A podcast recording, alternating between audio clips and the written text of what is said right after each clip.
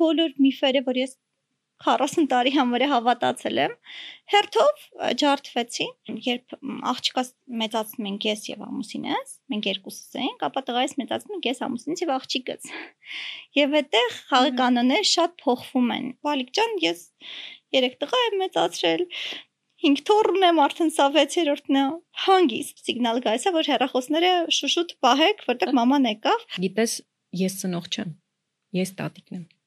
ու դու իրավունք չունես ինձանից խլելու, իմ տատիկ լինելու ամբողջ քաղցրությունը։ Այ, այս կապրիզնի ծնողներն են եկան իրանց պահանջներով, չեն հասկանում, որ մենք ունենք այդտեղ շատ շատ բարդ process է, բայց շատ կարևոր։ Ռոբոտը լավ մաքրում է, փոշեկուլ է, ամենօրյա մաքրություն նորմալ անում է, ինչի ես ընկնեմ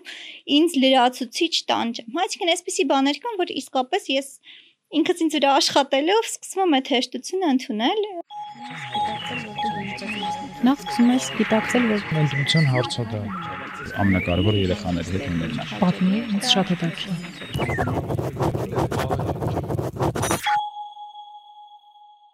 Ծնա ջան, պրիվետ։ Ողջույն։ Այլ կերպ քեզ չէի կարող բարևել, էլի անչափ կարոտած ու շատ ուրախ եմ, որ այս քո խառը օրով կարողացար գալ այսօր նաև այստեղ լինել։ Սոնա Կոշեցյան, Արինայի եւ Դանիելի մամա, այսօր դու հիմնական քո դերը այստեղ դա է լինելու ու ավելի շատ դրանից ենք խոսել։ Մամա լինելուց։ Դու նաև իհարկե ինձ համար շատ շատ հարազատ եւ ունիկալ մարդ ես, որովհետեւ կարողանում ես համատեղել ու ըստիս բավականին հաջող ինչի մասին կուզեմ այսօր խոսենք ընտանիքդ եւ ղեկավար պաշտոնը ոչ միայն աշխատանք հələ մի բան է որ դու ունես ընտանիք երեխաներ եւ աշխատում ես որպես մամա դա արդեն իսկ հեշտ չի մեղմ ասած բայց այլ բանա որ ղեկավար պաշտոն ու եթե չեմ սխալվի առնվազն 15 տարի իմ հիշողության մեջ որ հաստատ եւ առաջին հենց բանը որ կուզենայի խոսել ինձ մոտ միշտ թողել ես տպավորություն կարող է սխալեմ ուղիղ կատարելապաշտի կամ կատարելությանը ձգտող, հա, դու միշտ գտնում ես այն կատարյալ համադրությունը ամեն ինչի, դա վերածում ես համակարգի, մեխանիզմի, հետո դա դնում ես ռելսերի վրա ու անցնում ես նոր համակարգերի ստեղծման։ Ոնց ես վերաբերում ծնողավարության մեջ կատարելությանը։ Լավ բանից սկսեցի, իրան ու շնորհակալ եմ նաև այստեղ լինելու համար։ Իրականում ինձ թվում է ծնող դառնալը առաջին անգամ կյանքում ինձ ցույց տվեց, որ կատարելությունը մի տեսակ միֆ է ու հերո փարոս, որը կարող ես դու ունենալ արխիվում ու ձգտել դրան, բայց հասնելը առնվազն հեշտ չի, գուցե ինչ որ դեպքերում հնարավոր էլ չի։ Եվ եթե խոսեմ համատեղելուց, հա, ապա ղեկավար տարբեր մասշտաբի ղեկավար պաշտոններ հա ունեցել եմ, այսինքն փոքր նախագծից միջև կազմակերպության եւ հա ինչքանով պատասխանատվություն այդ տեսանկյունից մեծացել է, այնքան ավելի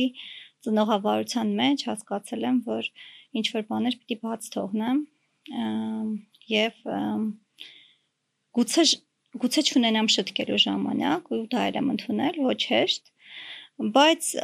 երևի ինչ որ բաներ բաց եմ թողել ու հատկապես առաջինից երկրորդ երեխա հա այդ անցումն էլ որովհետև միանշանակ որովհետև առաջինի դեպքում այդ ձգտումը ամեն բան ցենց իդեալական անելու սկսած, չգիտեմ, ախտահանիչով ամեն օր հատակը լվանալուց, պատերը սրբելուց, չգիտեմ, ինչա։ Որովհետև վերջին բոլոր խաղալիքները ախտահանելուց, ծծակ ախտահանելուց։ Երկրորդի դեպքում եմ, որ անգամ ինչ որ հատակից կարող ինչ որ բան գնալ բերանը ու ես ամուսինս ծուղակ գնայինք, շփտանք, կանցնենք առաջ։ Դա երևի ինչ որ process էր, որը նաև հասունացման ինչ որ ճանապարհ էր եւ նաև գուցե դա ինձ սովորեցրեց աշխատանքում էլ ինչ որ բաներում լինել ավելի իրատես եւ ավելի օպտիմալ հա ժամանակն ու ռեսուրսները կառավարել երբեմն կարող է ասենք ամենափոքրիկ ստորակետի համար ես մի քանի անգամ հետ ուղարկեի ինչ որ բաներ ինքս նստեի հազարում ինչ որ պահեր կար հիմա արդեն երբ որ ես հասկանում որ այս պահին կարևոր ինչ որ բան ավարտելն է եւ եթե հանկարծ այդ տեքստում օրինակ հա մի ստորակետ իր տեղում դրված չի, գուցե դա այնքան չազդի process-ի վրա, որքան է որ ժամանակին դա հետաքրքիր բան ես ասում, այսինքն ծնողավարության մեջ կատարելությանը հասնելու միֆի չեղարկումը, եթե կարող եմ այդպես ասել, նաև օգնեց աշխատանքի մեջ առասարակ լայն առումով կյանքի մեջ դաթարել ամեն ստորակետի հետևից ընկնելը կարծում եմ որ դա ինձ տվեց նաև որոշակի երջանկություն քանի որ նգուցե երիտասարդությանը բնորոշ է, հա, այդ մաքսիմալիզմը եւ ամեն ինչին ձգտելը հասնելը ու ես որևէ կերպ չեմ փոշմանում, որ իմ կյանքի ճանապարհը ու առնվազն ինչև ծնող դառնալը ամբողջությամբ այդ ձևով եմ անցել։ Հիմա էլ ես չեմ կարող ասել, որ դա մի որակ է, որը իմ կյանքից հեռացել է, բայց այնուամենայնիվ ես ավելի ուրախadir եմ, ինչև որ կետնեմ, թողնում ինձ դրա հետևից վազել ուրիշ բաների հաշվին, հա, ու այդ բալանսը ինչ որ ձևով ապահովել։ Նաև իմ երեխաներին կողքից դիտարկելիս զգում եմ, որ գուցե դա այնքան էլ վատ չի, որովհետև իրենց այնքան չի ճնշում, չնայած երբ միանում է ներսում այդ կատարել լապաշտ ծնողը, անգլերեն։ Հատկապես աղջկաս հետ որ մի քիչ ավելի հասուն է հիմա, քան տղաս, ես ինչ որ բայ ինձ կանգնեցնում եմ, որտեղ զգում եմ, որ չափից շատ ճնշող է այն ինչ որ ես անում եմ երբեմն մտածում որ իրական դա պետք է ու երեխային կյանքում որոշակի արինտերներ են, հա, պետք ուղղորդող բաներ եւ առանց այդ իմասելու գուցե ինքը չունենա, բայց մեկում զգում եմ, որ շատ եմ պահանջում դա։ Մյուս կողմից տեսնում եմ, որ լիակատար բաց թողումը, այն ինչ որ շուրջս կա եւ երիտասարդների հետ աշխատելուց օրինակ հաճախ եմ տեսնում, այնքան էլ լավ չէ, այսինքն ամեն դեպքում որոշակի բալանս դու պիտի ունենաս կանոնների, ձգտման, հա, չափսոսելու քո ժամանակը լավագույնս անելու ինչ որ բանը, ոչ թե հենց այնպես։ հենց այնպեսությունը մի քիչ շատ կա մեր օրերում։ Միջակություն հիշում ես։ Հա, ասում էինք Ռոմանագին դրանից։ Deep Parenting Podcast-ը հեռարձակվում է ամեն ամսվա 10-ին, 20-ին եւ 30-ին, իհարկե YouTube-ում նախ եւ առաջ, ինչպես նաեւ Apple Podcast-ում եւ Spotify-ում։ Ուզում եմ ասել, որ մենք միշտ կարդում ենք ձեր մեկնաբանությունները, ձեր գրած, թողած կարծիքները, ձեր հարցերը։ Դրանք շատ կարևոր են մեզ համար եւ անգամ կարող են մտնել եթեր, այսինքն լավ հարցերին եւ լավ հյուրերի առաջարկներին դուք նույնպես կարող եք այստեղ տեսնել եւ լսել։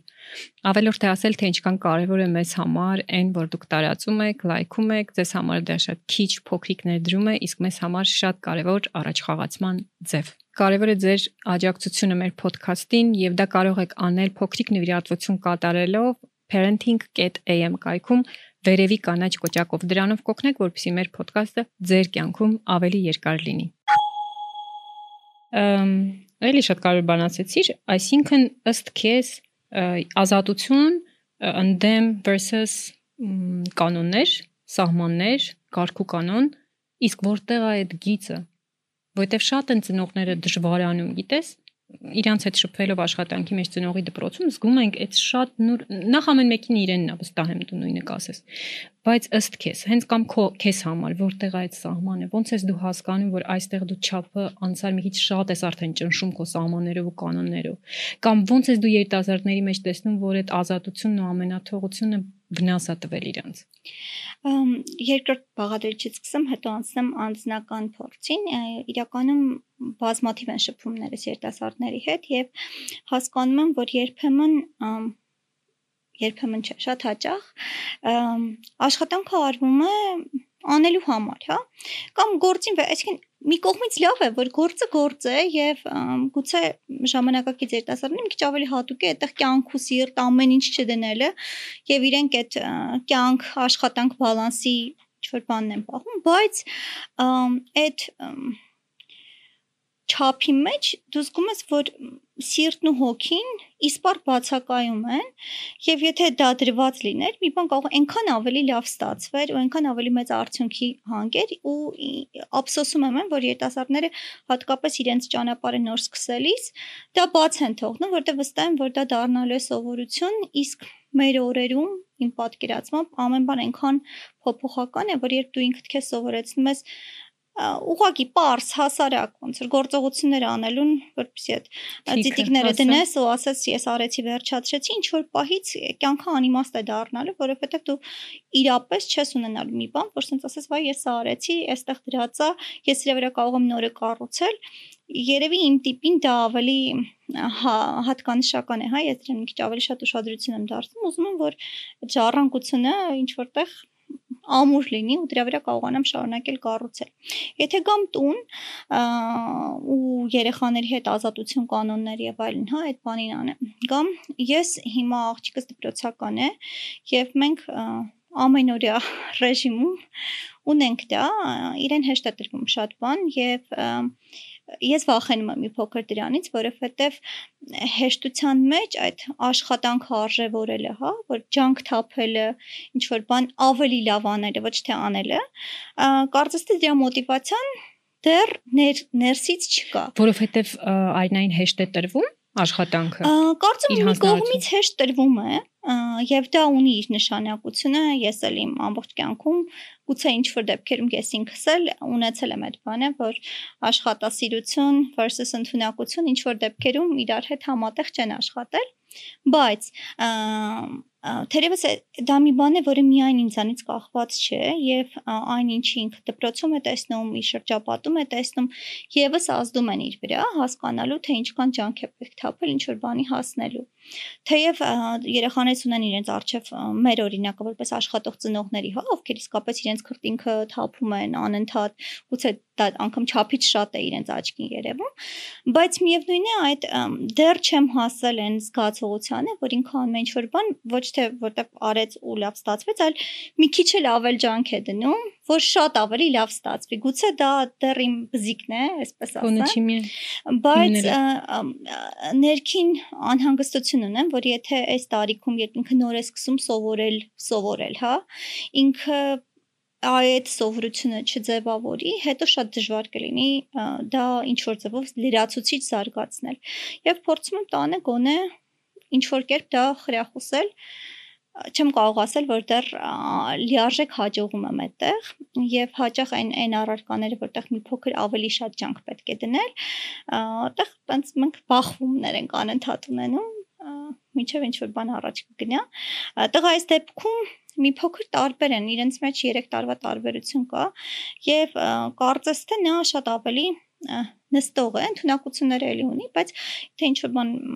իր արժև դրել է, այդ կատարելության ձգտումը շատ կամոտ է, միջև վերջին կետը հասցնել։ Մանրակրկտոր է, չէ։ Երբեմն դա շատ արագ կարող է լինի, բայց որ իսկապես շատ ուզում է, անում է, ես փորձում եմ դա խրախուսել ամեն ձևով, որպեսզի ինքը զգա, որ դա դրական վարքի դրսևորում է եւ փորձի իր առօրյայում դա ավելի շատ ունենալ, բայց չգիտեմ դեռ դպրոցը արժևում է, չգիտեմ մեզ ինչ է սպասում այդ բարագայում։ Ինձ շատ արձագանքեց քո ասածը նրա վերաբերյալ, որ եթե մի քիչ էլ ավել անի, ավելի լավ կստացվի ու պետք է վանկուց սովորացնել, ավելիին ձգտել։ Երկու առումով արձագանքեց։ Ես ինքս շատ երկար դրա մասին մտածել եմ ու կարծել եմ, որ դա անչափ կարևոր է։ Ես հիմա մեծ աղջկա հետ Լիա ջան, սով եմ տենց շատ չես ներվիսա լսել, անընդհատ եւ արդեն 8 տարի ձգտում եմ նրան, որ ինքը ավելիին ձգտի Սոնա հետաքրքիր բան քեզ ասեմ։ Այդ իմ անverջ ձգտելը նախ իր մեջ ընդհանրապես չի արձագանքում։ Ընդ ինքը չի հասկանում ինչա պետք ամենին հասնել տանջանքի միջոցով, եթե կարելի է հասնել հեշտ, իդեպ դա շատ խորքային մի հատ հասկացություն է, որ ես իրանից սկսում եմ սովորել։ Եվ երկրորդ դու կհավատաս, այդ տենց իմ գնահատմամբ կիսատ պրատ կամ սենց թեթև մակերեսային ինչ որ բան անելով ինքը միշտ ամենտեղ հաջողում ու ես ասում, բա ես տենց էի պարապում, ես մտնում էի սենյակ 3 ժամ դուրս չէի գալի մենակ ուտելու համար է դուրս գալի։ Ինքը պարապում է ոդքի վրա ձեռքի հետ, ու գնում ստանում է ինչ ինքը ուզում է։ Ու ես մտածում, Աննա, ինչի հետևից ես ընկել։ Դες ինչքան մեծ շատ արձագանքից է ասածը։ Կա դա, ինձ թվում է դեռ մի դրական օրինակ ունենք, երաժշտությունն է, եւ ամեն այն անգամ երբ մենք իրար հետ նստում ենք ու ես ուղակի հետևում եմ որ ինքը մի անգամ գոնե նոտաներով սկզբից մինչև վերջ լուրջ sense նայելով նվագի ու ինքը տեսնում է դրա արդյունքը այսինքն ինքը գնում է պարապմունքի գալիս է ասում է ուսուցիչը ասած շատ լավ է ես sense հույս եմ ունենում ասում վայ գուցե այդ չխկա մեջը որ իսկապես այ այ այս ձևով պարապելը ոչ թե ուղակի արագ անգիր արածա նվագել է ենթադրենք օգնեց որ ինքը գնահատի դա հա դրսից էլ խրախուսում ստացավ բայց ինչքանով դա շարունակական կլինի չեմ կարող ասել եթե տնից դուրս գամ որտեվ ամեն դեպքում դեռ աղջիկս 8 տարեկան չկա այնքան էլ մեծ չի բայց էլի վերադառնամ աշխատանքին ու երիտասարդների հետ աշխատանքին շատ բան սովորում եմ այդ երիտասարդներից հենց հեշտ հասնելու ինչ որ բաներին հեշտ լուծումներ տալու տեսանկյունից օրինակ եմ ասում, հա, նույն արհեստական բանականության մուտքը մեր կյանք իրականում շատ բան այդ տեսանկյունից շատ հեշտացնում է եւ ես հիմա ինձ ված չեմ զգում օկնական բանականություն ունենալու հա կողքս երբ որ շատ տարբեր հարցերի արագ կարող հավաքել ինֆորմացիա գտնել եւ այլն եւ այլն այսինքն ես իսկապես զգում եմ որ ինչի ես պիտի լավ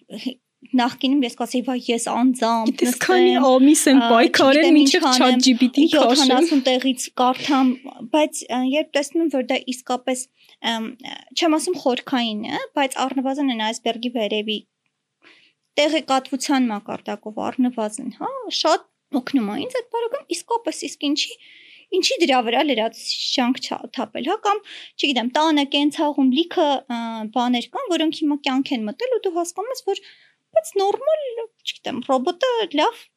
մաքրում է, փոշեկուլա, ամենօրյա մաքրություն նորմալ անում է, ինչի ես ընկնեմ ինձ լրացուցիչ տանջեմ։ Հա, այսինքն այսպիսի բաներ կան, որ իսկապես ես ինքս ինձ վրա աշխատելով սկսում եմ այդ հեշտությունը ընդունել, բայց չեմ կարող ասել, որ կյանքի բոլոր ոլորտներ դա լիարժեք հիմա մտել է։ չեմ կարող ասել նաև որ ուզում եմ որ մտնի ամբողջությամբ, բայց ինքը միևնույն է այդ ներքին պայքարը դեռ կա։ Կարող է դա նրանից է որ մեզ մեծացրել են սովետի թվին, ինչ որ առով նաև քեզ էլ, ինձ որ լրիվ,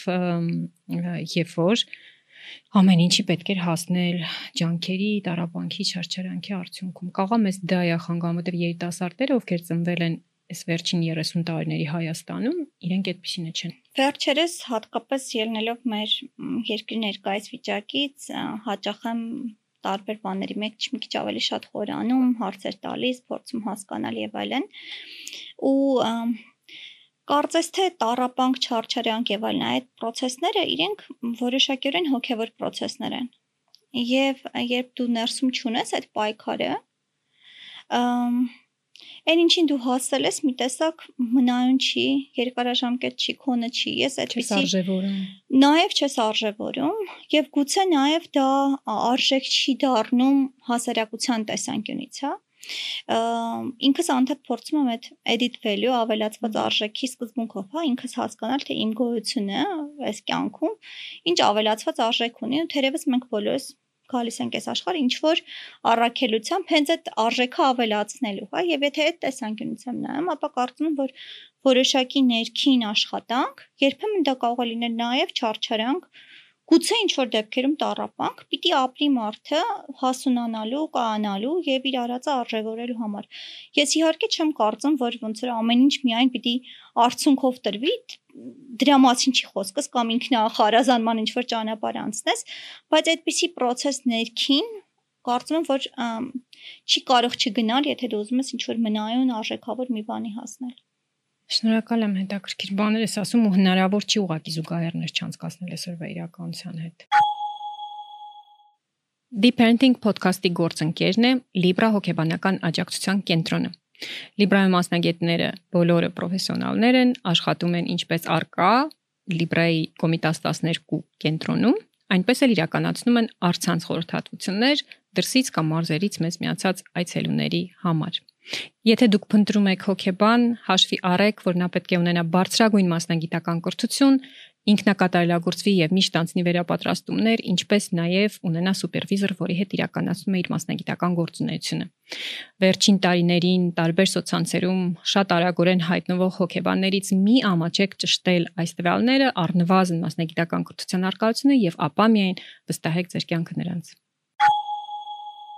Քեզ մի հետաքրիր փաստ ասեմ, որ խոսում էիր մտածում էի, դու իմ առաջին հյուրն ես, ով ունի մեկ աղջիկ, մեկ տղա։ Դեռ որ էս բոլոր ոդքասթերի տեսակցում, հիմա քեզ մի հատ էսպիսի հարց ունեմ։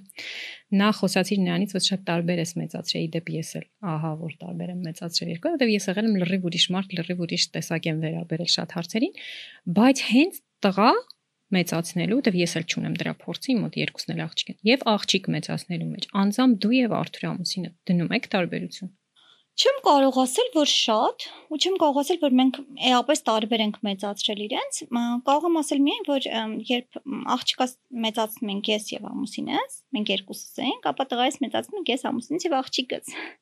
Եվ այդտեղ խաղի կանոնները շատ փոխվում են, ու ինքը շատ բաներ, շատ ավելի արագ ու հեշտ սովորել է քրոջից, ոչ թե մեծանից։ Պահարանների վրա բարձանալ վերևներ, ամենտեղ հասնել, քաղցր ուտել եւ այլն, այսինքն նրանք բաներ են եղել, որոնք առաջին երեխայի դեպքում չեն եղել մեր կյանքում, հա։ Տարբերությունը թերևս ինձ թվում է մենք դեռ լիարժեք չենք հասկացել, որ տղասել է մեծ։ Իսկին ամեն դեպքում ինքը դեռ այդ հաճախ օգտվում է փոքրի կարգավիճակից ու մենք երբեմն դե իսկապես տանը փոքրն է ինքը, այդ փոքրի բանը ունենք, հիմա իհարկե շունիկ ունենք փոքրիկ ու կարծես թե հա։ Ա նոր թեմա բացվեց։ Կարծես թե հիմա նա տանում է փոքրիկի բանը, ընդ որում բոլորիցս է տանում եւ դա երևի մեզ կօգնի մի քիչ ավելի հասուն վերաբերվել նաև տղայից, որտեղ ինքը արդեն 5 տարեկան մեծ մարդ է, չնայած ինքը ամեն օր իրեն հարմար պահի, մեկ ասում է, բա դե դուք ասում եք ես փոքր եմ, հետո ասում բա դուք ասում եք ես արդեն մեծ եմ, երբ երբ ուզում է այս բանը խաղացնում եմ ես այդ թեմայով տարբերությունը միգուցե այդ էր որ իր դասերակցության մի քիչ ավելի շատ մարդիկ էին մասնակից երկրորդ կտորը երևի պատերազմից հետո հատկապես այսինքն ես ծնող եմ, որը ընդհանրապես տանը արգելում է որևէ տեսակի զենք խաղալիք եւ այլն, կապ չունի այս տղա է մեծացնում, մեր տանը ոչ մի անտարճանակ չկա, այսպիսի պացիֆիստական ինչ որ մոտեցումներով պատերազմից հետո ես ինձ հաճախ հարց եմ տալիս, արդյոք տղայի հետ այս կյանքը հանցնելուց ինչ որ բաներ չկա, որ ես պիտի իրեն ամենօրյա ռեժիմում ասեմ, գուցե ներարկեմ, հա, որպիսի ապագայում ունենամ նաև մարդ, ով պատրաստ է հայրենիքի համար կյանքը տալ, եթե դրա կարիքը լինի։ Հաճախ եմ ինձ հարցը տալիս։ Չեմ գտել վերջերս գնացել էինք Վարդան Պետրոսյանի ներկայացմանը եւ այդ օրորոցայինների թեման ու այն ինչ են ոնց որ պատմականորեն, հա, եթե անգամ էպոսին վերադառնանք ու հավատանք, ապա ինչ են ճշնամի պետություններում օրերոցից սկսած ներարկել ոնց որ իրենց երեխաներին եւ ինչ ենք մենք տալիս գուցե այդտեղ կա ինչ որ ճշմարտություն ու գուցե բաներ կան որոնք մենք իսկապես օրերոցից մայրական կաթով պիտի փոխանցենք որպեսի մի քիչ ավելի ամուր պինդ արմատների ուժը գիտակցող, հա, սերունդ ունենանք։ Գուցե դա նաև ճիշտ է աղջիկների դեպքում, այսինքն այստեղ այս տարանջատումը գուցե պայմանավորված է նրանով, բայց խոսքի մեջ գուցե նրանով է պայմանավորված, որ առաջինը պատկասում է ինձ առայող տղա, նոր աղջիկ մեր իրականության մեջ գոնե թե բայց ես հիմա ինձ անընդհատ այդ հարցը տալիս եմ եւ նաեւ հարցնում եմ ինձ այ այն պահը երբ շատ փիս կռիվ լինի, օրինակի համար տղազգա ծեծված, ենթադրենք, հա, գալու է մի օր այդ պահը, բակային կամ չգիտեմ հիմա որտեղ են կռիվ անում, ճիշտն ասած, ժամանակին մեր բակում հաճախ էր դա լինում, հիմա չեմ տեսնում, որտեղ բակ չունենք, բայց գալու է այդ պահը, հա, ու իմ արձագանքը ինչպեսին պիտի լինի։ Արդյոք ես անընդհատ պիտի միայն ասեմ, որ գիտես, միայն խոսքն է ճիշտը։ Որ պահից է, որ ես ինձ կարող եմ թույլ տալ ասել, գիտես, բայց գուցե պիտի պատասխանես։ Ես դեռ չեմ գտել այս հարցերի պատասխանը։ Գուցե ամուսինս մի քիչ ավելի հեշտ է, որտեղ ինքը ցենց երկար չի մտածում, ինչ որ պահ կարող է, որ պիտի ասի ո՞ոնց պիտի խփես։ Չնայած որ ինքը իր եղբայրների, եթե այսպես պատմությամբ նայենք, ամենակիչ կռվարարն է, փոքր տղան, ցած ամենախաղաղասեր եւ այլն, բայց միևնույն է։ Իրեն գուցե ավելի հեշտ է այդ պատասխանը գտնելը։ Ես դեռ ներքին պայքար ունեմ, որովհետեւ ամբողջ կյանքս հավատացել եմ, որ չի կարելի եւ դա ոչ մի ձևով լուծում չի, ոչ մի ձևով տարբերակ չի։ Հիմա հաճախ եմ ինձ այդ հարցը տալիս։ Դեռ տալիս եմ, դեռ չգիտեմ ինչ գտնեմ։ Մենք ծնողի դպրոցում էլ հաճախ ենք դրա մասին խոսում։ Գիտես, տարիներ շարունակ հոգեբանները պնդում էին, որ ծեծը տարբերակ չի։ Ծնողները գալիս էին շատ հստակ հայցով։ Խփում են, վիրավորում են։ Ինչ անի, ասի, արի գնանք զրուցենք, չի աշխատելու ու հիմա զգում եմ, որ անգամ հոկեբանները այլ կերպ են վերաբերում, ասում են դե ոնց որ կախված է նախովա դիմացինը, հա, այսինքն շատ տարբեր գերանքներ են սկսել տեսնելու ծնողներին տալիս են ավելի շատ հնարավորություն որոշում կայացնել ընտրություն անելու ոնց են իրենք իրենց տղա երեխային մեծացրել։ Վարդան Պետրոսյանը ներկայացումը չեմ նայել երջանկություն կունենամ վաղը դա անելու, այսօր տեսագրում ենք օգոստոսի 6-ին եւ օգոստոսի 7-ին կունենամ այդ նարությունը եւ 3 առաջին անգամ զենք վերցրեցի ձեռքս կյանքում առաջին անգամ սարսափելի զգացողություններ էր։ Ասեցին կանցնի, ես շատ փոխվեցի ու հիմա անգամ երբ խոսեցինք, որ երեխաներին էլ բերենք, 10 տարեկանին ասեցին չափազանց շուտ է, մեծին ասեցին շատ լավ է 17-ը ճիշտ տարիքա, հատկապես մեծս ՆԶՊ-ի շրջանակում ունեցել է այդ փորձառությունը դիլեմաներ են։ Հա, ես ինքս քեզանից հիմա այստեղ պատասխան եմ խնդրում, բայց չկա այդ պատասխանը երևի ավելի շատ կարևոր է որ այդ հարցը գա քան իրականում պատասխաններ տանք, լուծումներ տանք, որտեղ ամեն մեկի համար դա կարա տարբեր լինի։ Ասացիր, որ հիմա բակ չունեք, զարմացա, որտեվ ես գիտեմ դու որտեղ ես ապրում, ես անցյալ օրը տեսա, որ դու ինչ-ինչ համար չափազանց կամ բոլորովին զարմանալի չէր, այնքան որ ինքս ուզում գրեի, ես էլ կգամ ծառերը ջրելու, որտեղ մեր գրասենյակը շատ մոդ է այդ այգուն։ Խոսքը Մերգելյանի այգու մասին է, որ դու ուղակի առաջարկեցիր այդ լքված, մոռացված, չջրված ծառերը գոնե հարևաններով ինչ ինչ որ ձև ջրել։ Մոտ արդեն երևի 6 տարի է ես շատ առումներով հենց քեզանից վարակվեցի այդ էկո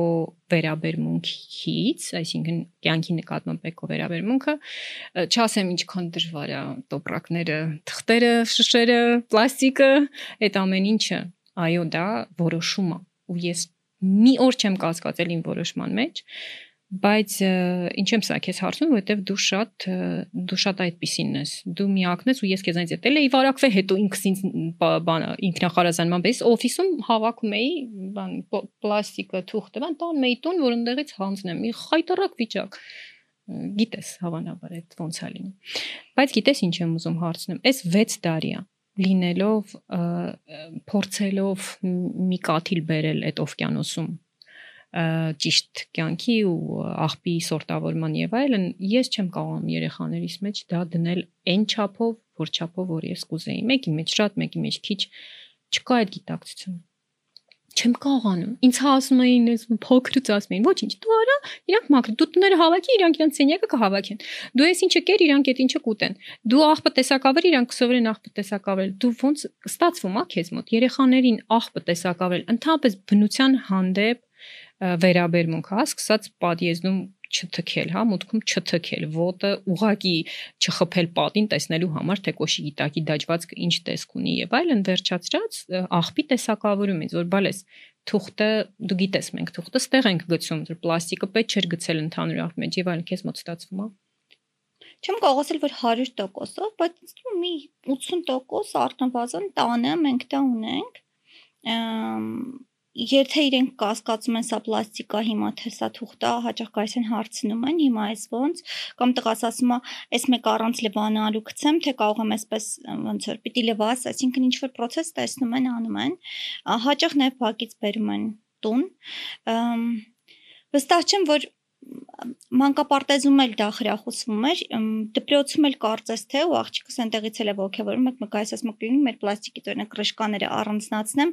տանեմ դպրոց ասում թե առանձնացրու եթե այդքան ժամանակ ունես նստի առանձնացնու ընդ որում մեր տունը շատ փոքր է ու դա անել է այնքան էլ իսկապես այնքան էլ հեշտ չի բայց կարծես թե դա տեսնում են ու սովորում են նաև դրսում աղբ թափելու հետ կապված բավական այսպես գոն բան ունեն աղջիկս մի քիչ մեկ-մեկ որ խոսում է ոնց որ ինձ միացնի դրսում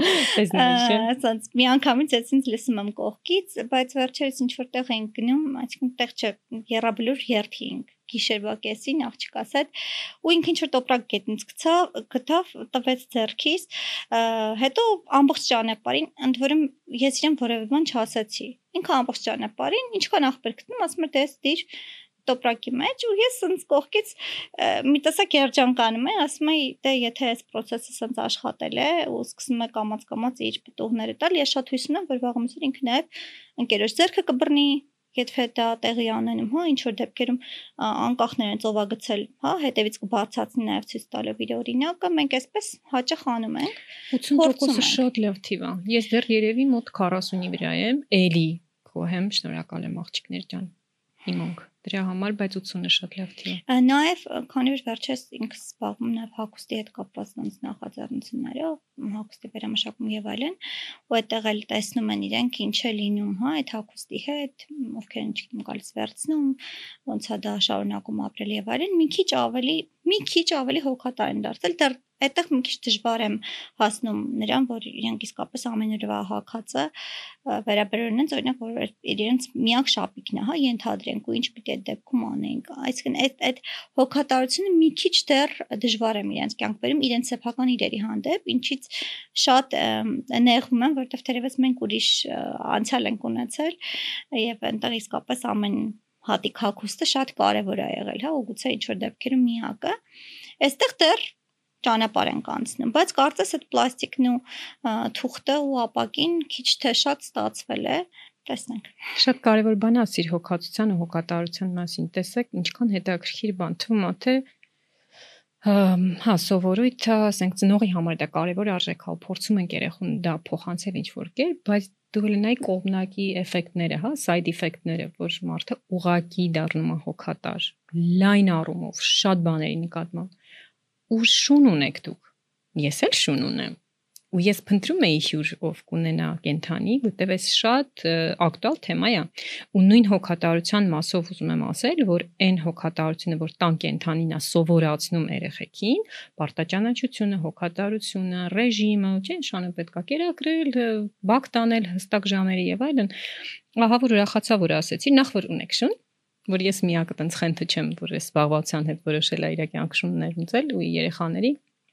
բայց սոնա անկեղծ եմ քեզ ասում, շատ ծնողներ են հատկապես մենք որ ունենք շուն, անընդհատ հարցում ինքան են ուզում երեխեքը վերցնենք, չվերցնենք, դիլեմայի մեջ են թեման կենթանու կա բոլորի տանը մեմա մեկը կրյակ վերցնի մյուսը շուն երրորդը փիսիկ դա այլ հարց է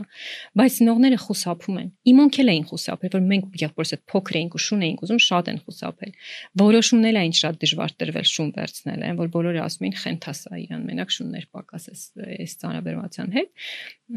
կպատմես մի քիչ ոնց եկավ որոշումը վերցնել ընտանի կենթանի ու չգիտեմ, եթե նորը անգամ ինչ է ինքը արդեն հասցրել տալ։ Ես այնքան եմ ուզում ծնողները հասկանան ինչքան բենեֆիտներ, ինչքան պլյուսներ ունի այդ բոլոր հոգսերի հետ մեկտեղ։ Ցած մի քիչ հետ գնամ ու պատմեմ այդ պատմությունը, որովհետև ես արդեն 38 տարի ապրում նույն տանը եւ ամբողջ կյանքս փոքր ժամանակից, այսինքն դա ինձ հստակ ասվեց, որ ես շատ-շատ էի ուզում կենթանի, հատկապես շունի, եւ մենք բարբերաբար մամայի հետ քննարկում ենք, որ հələ արի իրար հետ մտածենք ոնց կլինի կենթանին մենակ 5-րդ հարկում էս փոքրիկ տանը որտեղ մենք ենք հազիվ տեղավորվում հա ինքը երջանիկ չի լինի մենք պատասխանատվություն ենք վերցնում իրան դժբախտացնելու արի խուսափենք այդ որոշումից հիմնականում կենթանու համար է ավելի շատ այդ որոշումը եղել ու ես ինքս ինձ համոզել եմ որ դա իսկապես այդպես է ուրիշ որևէ տարբերակ չկա հետո նաև տանը մաս բան այս այդ բոլոր բաները պատկերացնելով սարսափելի նեղում է որտեղ բծախնդիր եմ այդ առումով բայց ծնվեց տղաս որը 5 տարի շարունակ շատ անփոփոխ լուրջ խորը սեր ունի կենթանիների հանդեպ ոչ մի բանով դա չի փոխարինվում իր խաղալիքների հիմնական մասը այս վերջերս մի քիչ սկսելա տարվել այդ էլ գուցե մանկապարտեզի sense բաներ են այդ սուպերհերոսներով տարբեր տեսակի բայց միևնույն է կենթանական աշխարհը մնում է առաջին անփոխարինել տեղում վերջերս ոդկով միասին քայլում ենք ու մոտ 3 կանգար քայլել ենք ու ինքը հերթով թվարկում էր բոլոր են կենթանիներին, որ ինքը կուզենա տանը պահել ու ես ասում եի, չէ, հնարավոր չի։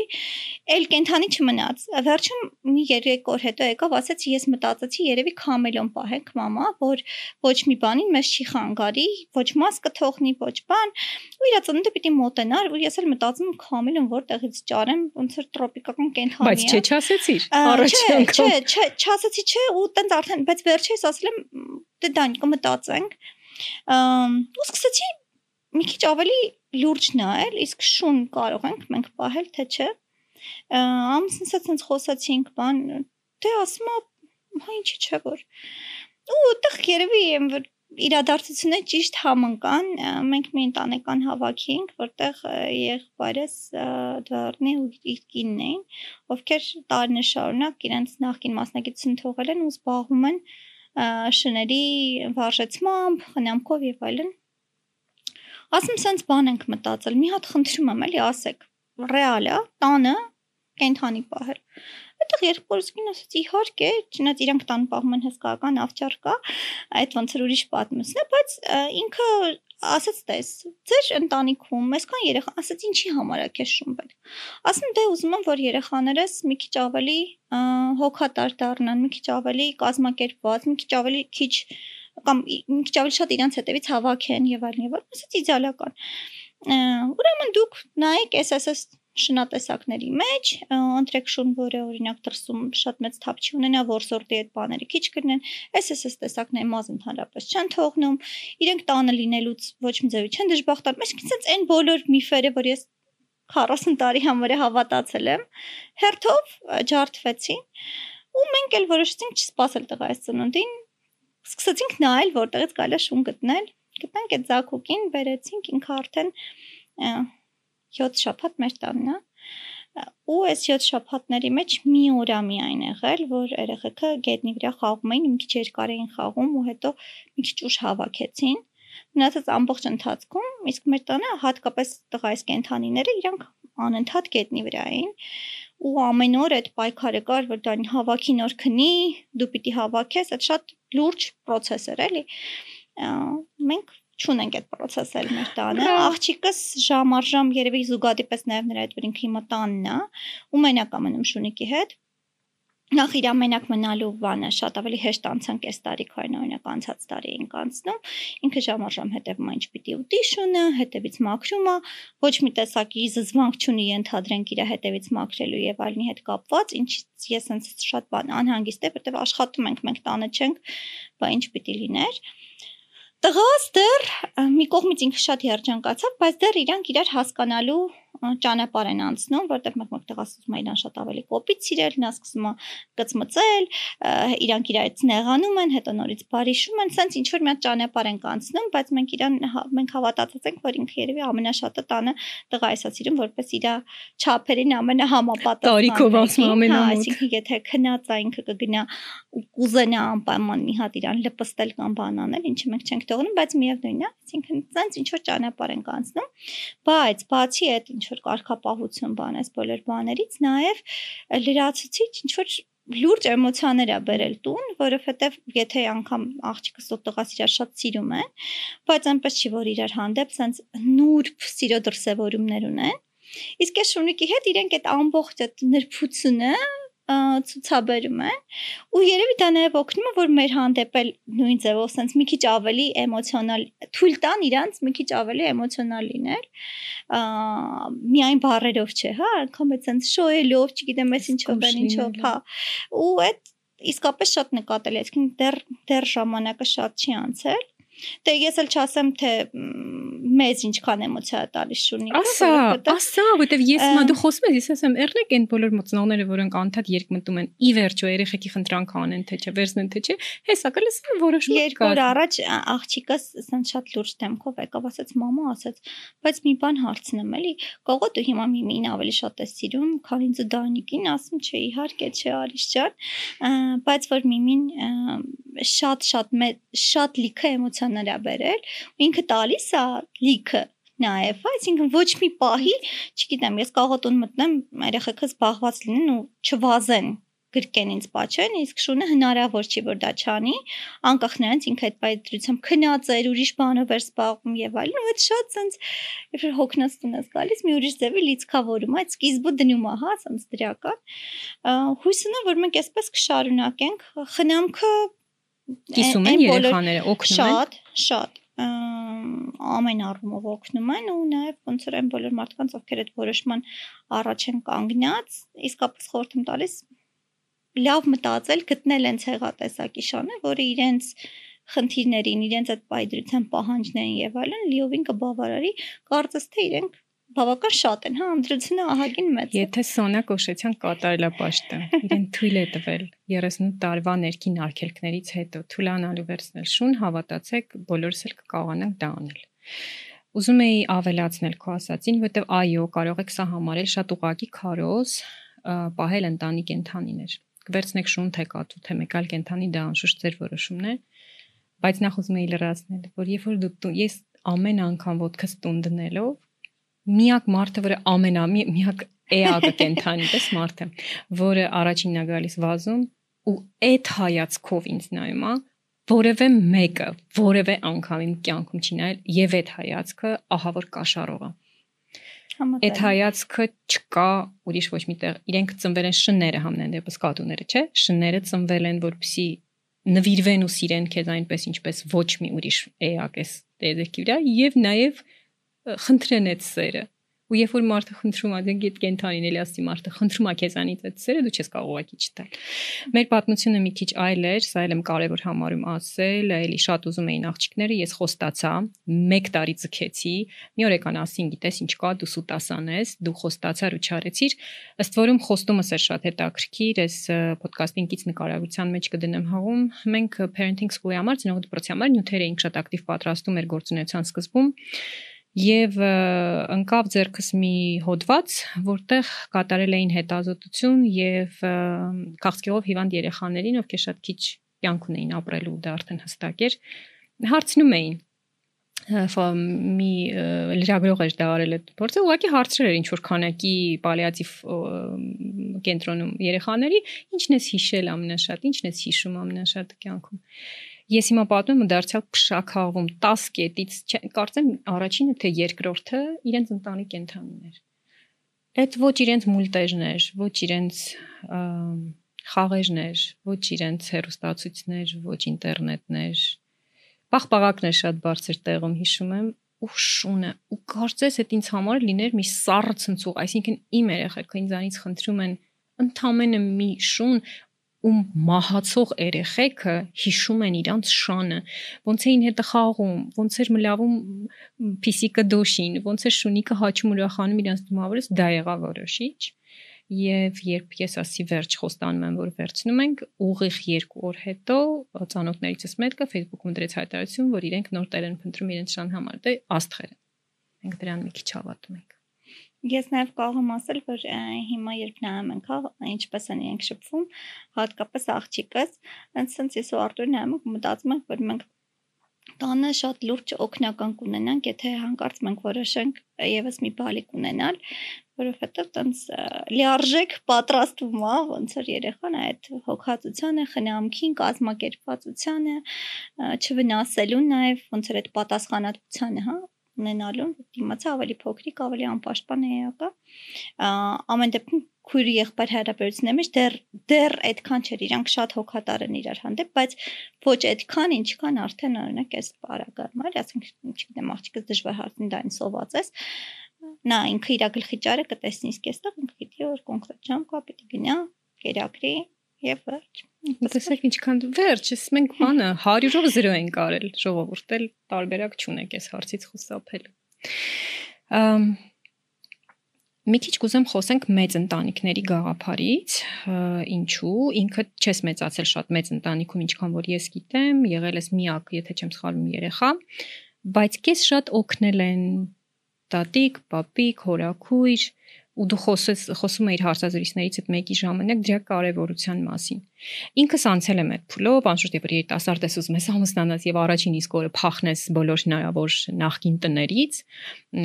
եւ գնաս առանձին ապրես, դա բնական է, հասկանալի է, դրա մասին չի խոսքը, բայց այնքան են ինձ օգնել իմ ամուսնու մայրիկն ու իմ մայրիկը, ել ասելու չի ու այդ գանձը կորցնել, այդ հարստությունը չօգտագործել ճիշտ, այլ մնալ համառ եւ ոդկա խփել գետնին եւ ասել որ միայն ես եմ իմ երեխային մեծացնելու եւ ինձ պետք չի տատիկների օգնություն, ինձ ոչինչ պետք չի մի քիչ կուզեմ հետդ քննարկենք այս հարցը նախ քո փորձառությամբ կիսվես իրոք ինչ դա քեզ տվեց ինչ որ վտանգներ կա թեղ թե չէ ես կարող ասել որ թերևս միջև կյանքից վերջին վարկյանը որևէ կերպ չեմ կարող այդ երախտագիտությունը բաց թողնել այդ օգնության ու օժանդակության համար աղջկաս բարագայում հիմնականում ամուսնուց հորակույրն էր մեզ օգնում տղայիս դեպքում ու արդեն հիմա էլ ամուսնուց մայրիկը էստեղ է ու ամեն ինչով հա օգտակար է այսինքն մենք այդ մեծագույն երջանկությունը որ մենք չենք մտածում ինչ որ բան պլանավորելիս դեռ տենց գիտենք որ մաման կա ու վերջ այդպիսի տենց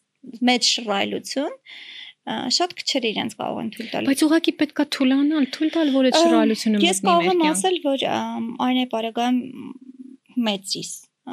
Մի քիչ ես ավելի տենց խստա պահանջեի ու տենց կանոնների երև ինչ որ բան ունեի եւ այլն չնայած ինքն էլ շատ ավելի կազմակերպած երեխա էր ու ոնց որ ոնց դրած էր ինքը տենց էլ անում էր հատուկ կարիք չկար ինչ որ բաներ լրացիչ անելու տղայիս դեպքում մի քիչ ավելի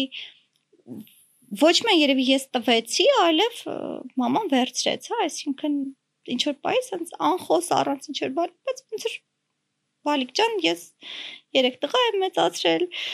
5 թոռն եմ, արդեն սա 6-րդն է, հանգիստ։ Ու ես հանգստացա, երևի ես կարծում որ եթե ավելի երիտասարդ լինեի, մի քիչ ավելի այդ մաքսիմալիստական բաներ, գուցե ավելի դժվար կլիներ ինձ դա անել ու ես հասկանում եմ շատ ծնողների տեսնելով կողքից դիտարկելը, որ դայակին երեխային վստահելիս շատերը ունեն այդ բանը, որ իրենք բոլոր կանոնները ասում են եւ դայակային մարդն է, որը առանց քննարկելու այդ կանոններին հետևում է։ Ճիշտն ասած, ես կարծում եմ, որ դա այդպես չի եւ ծնողները ավելի շատ իրենք իրենց համոզում են, որ դա այդպես է բայց մյուս կողմից իհարկե չեմ բացառում որ լիքը դայակներ արտակարգ գործ են անում իսկապես սիրում են երեխաներին եւ այլն բայց տատիկից, պապիկից շատ չգիտեմ, չեմ պատկերացնում ով կարող է այդ այդ ձևով սիրել ու այդ սերը երեխաների կյանքում հատկապես վաղ տարիքում կարծում եմ որ անփոխարինելի մի բան է ու ես շատ-շատ ուզում եմ որ երեխաք ոնց որ տենց ջերմ հիշողություններ ունենան ես շատ մեծ չեմ եղել այդ կորցրել եմ հա ոնց որ տատիկ պապիկներից բայց միևնույն է այդ պահերը իրենց հետ անցկացրած եւ իրենց ազդեցություն իմ կյանքի վրա անգնահատելի են ու ես շատ ուզում եմ որ երեխեքներ այդ այդ նույն զգացողությունը ունենան ու կարծում եմ որ դա մեծագույն պարգև է ու հնարավորություն հատկապես երբ նայում օրինակ դրսում ապրող հա իմ հարազատներին ընկերներին ովքեր ամբողջությամբ սրկված են այդ հնարավորությունից ու թե ինչ բաներ են իրենք անցնում, ինչ խոչընդոտներ պիտի հաղթահարեն, որ երեխան ինչ որ ձևով հա մեկը նայի, ինչ որ բայ հետը լինի, եթե անգամ իրանք տանեն մի պահ հետներ լինի, իրանք շնչեն, հա, այդ հատկապես փոքր ավելի տարիքում։ Մարդիկ չունեն այդ հնարավորություն։ Հիմա մենք այստեղ ունենք, գուցե ես դժվար եմ պատկերացնում միասին նույն հարկի տակ անընդհատ ապրելը, որովհետև մենք ամեն մեկս ունենք մեր կենսակերպը եւ դա գուցե արդեն փոխելը բարդ է, գուցե երբեմն պետք էլ չի։ Այսինքն որոշակի սահմաններ ամեն դեպքում կան, ինձ համար դա կարևոր է ոնց որ այդ բան անձնական տարածություն ունենալը, հա, բայց դրանից են կողմ երեխաների հետ կապված այդ մեծագույն երջանկությունը ու ուզում եմ որ իսկապես այդ վստահությունը տան հատկապես երիտասարդ ծնողները, որոնք հաճախ այդ այնց միֆերով կամ ինտերնետ ինտերնետի քարոզներով այնց մտածում են, որ եթե իրանք ինչ որ բլոգեր է ասածներին օրինակ հետևում են, ուրեմն իրանք կարող են իդեալական ծնող լինել ոչ մի տատիկ պապիկ պետք չի այդ կյանքում։ Հաճախ եմ տեսնում դա ու սիրտս ցավում է, որ չեն օգտվում այդ պարքևից, որ կա իրենց կողքին։ Շատ լավ բառացեցի պարքևը, մեկ էլ երախտագիտություն, ես էլ ունեմ այդ զգացումը միշտի մեջ ու Գիտես, խոսում էի, մտածում էի, երևի վախը այն է ու հաստատ դու էլ բախված կլինես դրանից, հետաքրքիր է դու ինչ ես արել, հատ քո դեղատոմսը ասում ադուր։ Հիմնականում չեն ուզում տատիկ պապիկ նայեն երեխաները, որովհետև տատիկ պապիկը այլ կերպ են մոտենում շատ հարցերի շատ մեմեր կա, չէ, որ այն մաքուր սիրուն կոկիկ հակած են բան են վիտրինայից երեխաներին տանում են տատիկ պապիկ մոտ մտ խայտարակ շորերով հետ են վերցնում երեկոյան, որ ոնց իմ երեխան էս շորերով է օրը անցկացրել, ինքս ունեցել եմ շատ տենց դեպքեր, թեթև եմ տարել անշուշտ, բայց ուղղակի շոկ էր էլ, որ ես տենց սիրուն ամեն ինչ բռնացրած բայց սա դեռ ծիծաղելու մասն է։ Տխուր մասն է, որ ծնողները հաճախ չեն հասկանում, որ պետք չի այդքան շոկոլադ տալ մեր ծնողները, հա։ օքեյ չի կերակրելուց առաջ հիմնական ընդունումից առաջ տալ քաղցրը որ քնի ժամը քնի ժամն է դա ինչ որ արմով սրբություն է եկեք չտանք տեղ ավելի շատ խաղին եթե եկել է այդ քնի ժամը որ պետք չի հրախոսը նայելով կերակրել ու այդ պետք չիները ծնողներիս մեր երիտասարդն ավելի մոտ տեսակ ինձ կոմպլիմենտ արեցի երիտասարդ ծնողների մոտ ավելի սուր է կանգնած մեծերի մոտ չէ դու ո՞նց ես դրա հետ բախվել, բախվել ես արդյոք եւ ո՞նց ես խոսել, որովհետեւ շատ հաճախ երիտասարդներին որ ասում ենք, «Է խոսեք հետները»։ Չէ, ամոթա, չէ, չեն հասկանա, չէ, կռվի կվերածվի, չէ, ամուսինս չի թույլ տա ես իր մոր հետ այդպես խոսեմ, այդ թեմայով խոսեմ։ Դու անցել ես սրա միջով։ Բախվել եմ, դեռ բախվում եմ, ինձ թվում է դեռ երկար կբախվեմ։ Կյանքը այդպեսին է ուղղակի մի քիչ բաց եմ թողել երևի առաջին բանից մեկը որ հիշում եմ որ մի անգամ տուն եկա արդեն այն շրջանները երբ որ միայն կրկով չեր կերակրվում տղաս ու կարող էր կողքից ինչ որ բաներ դել ու ես վստահ եմ էլի որ այսպես ամեն ինչ թողել եմ ու կարծես թե իմ ասած բաղադրատոմսով ինչ որ բաներ պիտի սարքվեն հետո տուն եմ գալիս ինձ պատահաբար դնում եմ բերանս ես սովորաբար երեխեքի այդ կաշաներ բաներ ոչ մի բան չեմ կերել ինձ համար տարօրինակ ուտելիք է ամուսինս էլ ասում ոնց դու կարող ես ինչ-որ բան տալ երեխային առանց փորձելու բայց անկեղծ ոչ մի ձևով ինձ դա չի գրավել որ ինձ փորձան բայց գոնե գիտեմ ինչը մեջ է դնում հիմա ինչ պատահաբար դրեցի բերած զգացի որ քաղցր է ու հասկացա որ այդ այդ բանը որ միջև 2 տարեկան է քաղցր չի կարելի եւ այլն եւ այլն փաստորեն արդեն բաց եմ թողել ու գուցե երկար ժամանակ բայց մյուս կողմից ես չեմ կարող ասել որ դա օգտակար է Բայց մյուս կողմից երևի դա եթե այդ ամենամեծ են չարաճճիություններ որ կարող լիներ, է օքեյ, Քեզանից թակում, չի ինչ մի բան ունեն տատիկ ու թորնիկ, որ մաման չգիտի։ Հիմա հաճախ ասենք, եթե ես պիտի գնամ ամուսնուս ծնողների տնից երեխաներին վերցնելու, հաճախ չի դա լինում հազվադեպ, բայց եթե ես եմ գնում, այն որ sense շեմքից ես երևում, գիտեմ, որ սիգնալ գալիս է, որ հեռախոսները շուշուտ պահեք, որտեղ մաման եկավ, որտեղ անընդհատ այդ այդ վեճը ունենում ենք, որ շորտ խնդրում են։ Ոնց ես վիճում։ Էդ էր իմ հարցը։ Ես խնդրում եմ, ես մեկ-մեկ բարկանում եմ, մեկ ասում ուզում եք չգան ոնց որ ստեղ եկեք չանենք էլի բայց գիտեմ որ միևնույնն է պաշտպանությունը բանը որ այնքան քիչ են նայել համարյա չեն նայել եւ այլն մեկ մեկ ամուսինս էլ այդ նույն բանին միանում որ այնքան քիչ ա եղել ես հիմա ավելի շատ երեխեքի հետ եմ փորձում աշխատել որովհետեւ իրանք այդքան էլ փոքր չեն արդեն ու փորձում եմ իրանց դա բան անել, չեմ կարող ասել, որ հաջողել եմ։ Իրենք տանը չունեն հեռախոս ու գadgetներից, այսինքն հեռուստացույցն է, հա, որ կա, ու շատ սահմանափակ ժամանակով երբեմն բան եմ անում, որ լավ գուցե դա էլ պետքա մեկ-մեկ անջատվելու համար, բայց իմ ամենամեծ մտահոգությունը այն է, որ իրենց սարքերը պաշտպանված չեն։ Մի քանի անգամ փորձել եմ անգամ ես ինքս ինչ որ բաներ միացնել, երկար չի տևել եւ իմ մտահոգությունն է, որ այն աղբի սահման բանում, հա, օվկիանոսում, որը կա հիմա սոցցանցերում, էլեկտրոնային տիրույթում ընդհանրապես հնար հավանականությունը, որ ինչ որ հերթական, ասենք, հետաքրքիր վիդեոից հետո որ իրանք նայում են տղաս հիմնական կենթանիի մասին պատմություններ անամ անընդհատ, բայց միևնույնն է, հա, YouTube-ը ամեն բանի կարող է ինչ-որ մի բան բերի եւ ոնց որ թվային գրագիտության աստիճանը այնքան չի, որ դա հենց այդ պահին կանխվի կամ նկատեն դա ավելի շատ հիմա ոնց որ մտահոգությունս այդ դաշտում են փորձում եմ երեխեքի հետ աշխատել, բայց դա մի մի բան է, որտեղ դեռ հաստատ չեմ հաջողել պայքարա գնում եմ առաջ։ Շատ հետաքրքիր բան հիշեցի կներես շեղում կարող քեզ հետաքրքիր լինի։ Մորս հետ պայքարում եմ դեռ միայն առաջինին ունեմ, չենք տալիս շոկոլադ, տան մեր խանութ ասում էր, «Բալես, ինչ ուզում ես առ»։ Բնականաբար այդ ինչ ուզում եսի 90%-ը այն էր, ինչի ես չեմ խրախուսում։ Խոսում եմ, ասեմ մամ ջան,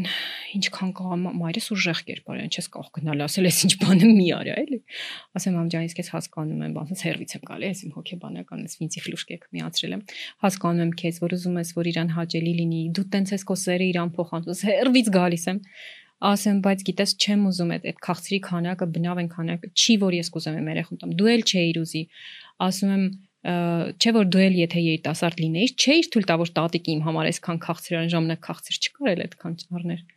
Մի հատ նենց պատասխանա տվել, որ ես այդ երբեք չեմ մոռանա ու նոր հիշեցի։ Ասեց ան գիտես, դու որ փոքր էիր, այո, ես էլ էի շատ խիստ հետևում էի, իմ մոր վրա խոսում էի, երբ տան շռայլություններ էին դες դուլ տալիս կամ անում էին բաներ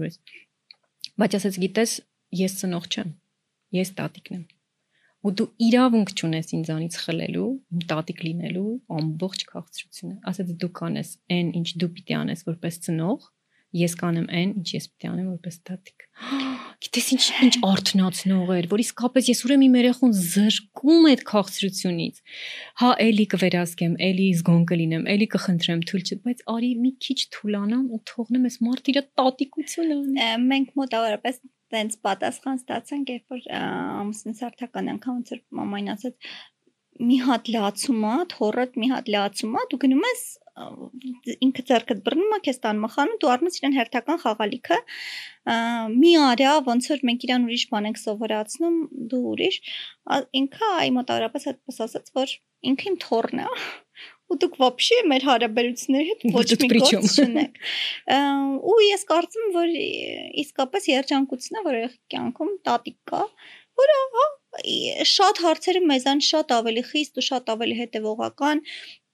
մենք լիք առումով նույն գծի վրա ենք, ու այդ շատ հավես է իրանք միասին նայվեցին այդ տատիկը չի որ ուղակի լկստված նոմա իրանք իրար հետ խաղում են, սովորում են, զբաղվում են, այսինքն այդ անընդհատ միասին որակյալ ժամանակը, հա, որ իրանք անցկացնում ինչ ինձ համար շատ կարևոր է, ու եթե դա նաև ուղեկցվելու է մեկ-մեկ այտենց բաները, որ ես գուցե ամեն օր չի որ կթողնեմ կամ ընդհանրապես չեմ թողնի, այդ թող լինի։ Մի հարց տամ, եթե չուզես պատասխանես, հանգիստ կընդունեմ դա ու կկտրենք այս մասը քո մաման չտեսավ քո երեխաներին ու այնքան բան ինչքան ինքը կարար տար ես ուղղակի պատկերացնել չեմ կարող ինչքան հավես կլներ այդ այդ ամեն ինչ ինչքան շփումը կարևոր կլներ երեխեքիդ համար բայց ինչ մի բան կամ երկու բան որ վերցրել ես իրանից երբ դու փոքր էիր հենց որպես ծնող իրանից վերցրես ու հիմա փորձում ես փոխանցել երեխեքին կա ուղղակի մամային լավ ճանաչելով շատ դժվար կասեմ, որ այսինչ բան է վերցրել եմ մամայից, որտեղ ինձ թվում է ամեն ինչ վերցրել եմ մամայից տենց առանձնացնելու ասել այ հենց էսա ու հաճախ հիմա ինչ է բաներ եմ անում ու սենց անում եմ ու կանգնում եմ ասում հələ լրիվ նույն ձևի ոնց էր մաման կաներ ու ասենք օրինակ ես այն ժամանակ կարող իր վրա չխոյնոնս մում դե լավ էլի ոնց որ սենց մի բան հələ մենք ոչ ամուսնացած էինք ոչ այս մեր հարաբերություններն էին, հա։ Վերջես այդ ինչից հիշեցի, որ ինչ որ դասական երցան համերգի են գնացել ու ես զուգահեռ քթիստակ երգում էի ոնց որ արիշն էլ sense սմում դելով էլի ու այ հենց այդ պահը ոնց որ դեժավյու լիներ իսկական, որովհետև մաման բացարձակ լսողություն ուներ ու դասական երցն շատ լավ գիտեր հաճախ տենց ոնց որ ու ոչ միայն, հա, ինքը տենց մասնակցում էր process-ներին, ես դելով ոնց որ ամոթ ասուցն ստիպա ու ես հասկացա որ վсё ես էլ եմ արդեն մեծացա դարձա մամա բայց կարծում եմ երկու կարևոր սկզբունք որ ինքը իմ մեջ դրել է ու ես փորձում եմ այդպես գնալ այդ փոխադարձ վստահությունն է բոլոր իրավիճակներում որտեղ մենք գիտենք որ իրար ունենք ու եթե առաջինը մամային չես վստահում բայլում հա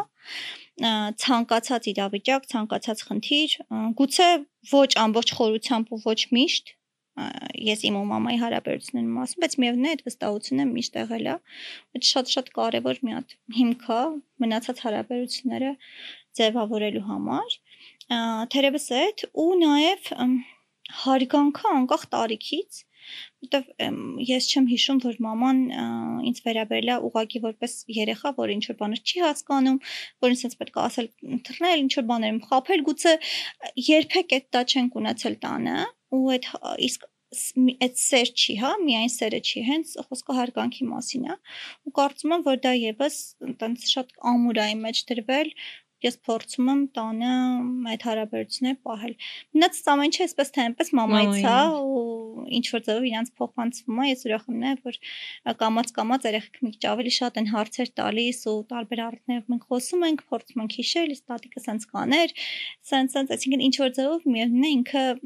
ֆիզիկապես չկա, բայց որոշակի ինչ որ բաներով հաստատ երեխի կյանքում արկա է։ Գիտես ինչ հիշեցի, որ մաման պատում էր, որ երբ փոքր ժամանակ Սոնային ուզում էի պատժել, ասում էի վաղը դպրոց չես գնա։ Գիտես ինչ շոկ ապրեցի, որ երիտասարդ էի սեփական երեխաներ չունեի, բայց ոնց, այսինքն կարա այդպես է լինի, որ դպրոց չգնալը լինի պատիժ, եմ որ ամեն դեպս Սոնայի համար դա եղել է պատիժ։ Չեմ ուզում գովաս թնչի, չեմ ասի դպրոց է դպրոց այսօր էլ կա, որտեղ Սոնան է հաճախել այդ տարիքում, հա, բայց ալչատ հարցս ուղում եմ քեզ որպես կրթության մեջ 15 տարի աշխատած մարդ, կրթական համակարգեր ստեղծած մարդ, դպրոցի մարդ։ Որն է լավ դպրոց։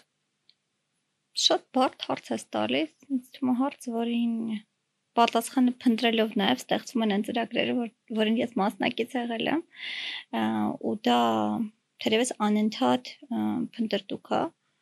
անընդհատ ձգտում հասկանալու որն է լավ եւ կարծում որ շատ առումներով դա բավական անհատական է, այսինքն յուրաքանչյուր ընտանիք, յուրաքանչյուր ծնող ինչ որ իր որոշակի չափանիշներ ունի, որոնց հիման վրա փորձում է գտնել այդ լավագույնը կամ այդ իր չափանիշներին համապատասխանությունը, եւ դա շատ բարդ ճանապարհ է, հա, ամեն ծնողի համար։ Ես թերևս մի քանի բան եմ ինձ համար առանձնացնում միջավայրը, որտեղ մի կողմից կա փոխադարձ հարգանք, մյուս կողմից կա Դու ֆիզիկական միջավայրի նկատի չունես այդքան։ Չէ, դա կարևոր է,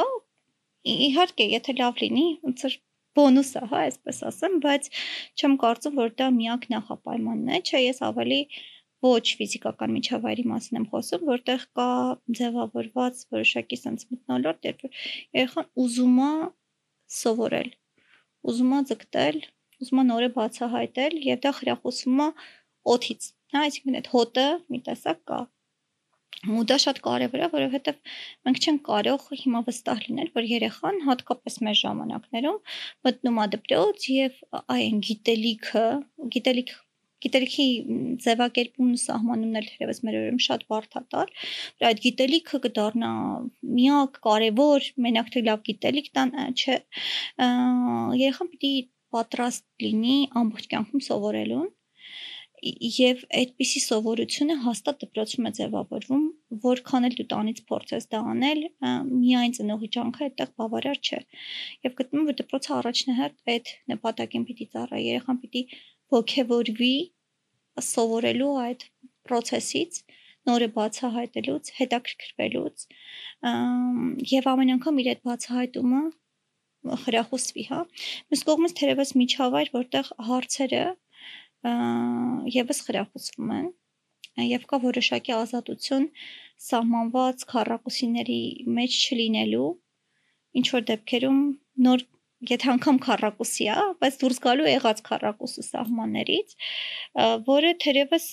բարդ է, քանի որ այդտեղ մենք անընդհատ գործում ենք ուսուցիչների հետ, իրենց պատկերացումների, իրենց ձևավորված գուցե կարծրատիպերի, հա, տարբեր հարցերի շուրջ եւ այդտեղ իրենց բացությունը իրենց պատրաստ լինելը, սովորել նորը, բացահայտել եւ այլն շատ կարեւոր է լինելու, շատ կարեւոր անդրադարձ է ունենալու։ Եվ իհարկե, չեմ կարող չնշել ծնողների ընդհանրապես ծնողական համայնքի կարևորությունը դպրոցում, որովհետև դա դպրոցաստեղծ գործող, այսինքն եթե մի կողմից ուսուցիչներ, որոնք այդ մտնոլորտն ու բանն են ձևավորում, մյուս կողմից ծնողներ, որոնք են արտաքին շերտն են եւ իրենց պահանջները, իրենց և մասնակցությունը, իրենց չափանիշները, իրենց դիալոգը դպրոցի հետ հաճախ ազդում են այդ դպրոցի որակի ծառայությունների, եթե դա այդպես կոչենք, հա, վրա։ Կարծում եմ այդտեղ շատ նուրբ բալանսի հարց կա, երբ դպրոցը ունի սեփական դիմագիծը, սեփական սկզբունքները, արժեքները եւ դա փորձում է սերմանել եւ դրանց հետ ծնողների օքեյ լինելը, հա, այսինքն այդտեղ համատեղ համաստեղծման ինչ որ գործընթաց է, որտեղ ծնողները մի քիչ пассив, բայց շատ կարևոր մասնակիցներ են եւ դպրոցը որոշակիորեն դա պիտի խրախուսի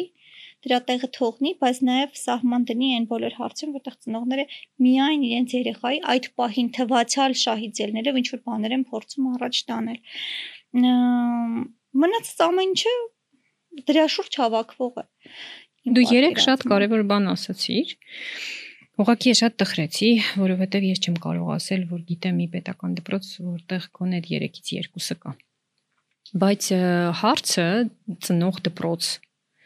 չեմ վախենա այդ խոսքից հակամարտության հարցը սուր ա եղել, սուր ա հիմա եւ վստահ եմ դեռ շատ երկար ժամանակ սուր կլինի, որտեվ նենց չի որ կրթություն են համակարգը չի, որ այսօր մի հատ sense կանես վաղ ամեն ինչ կփոխվի, հա, մենք այսօր եթե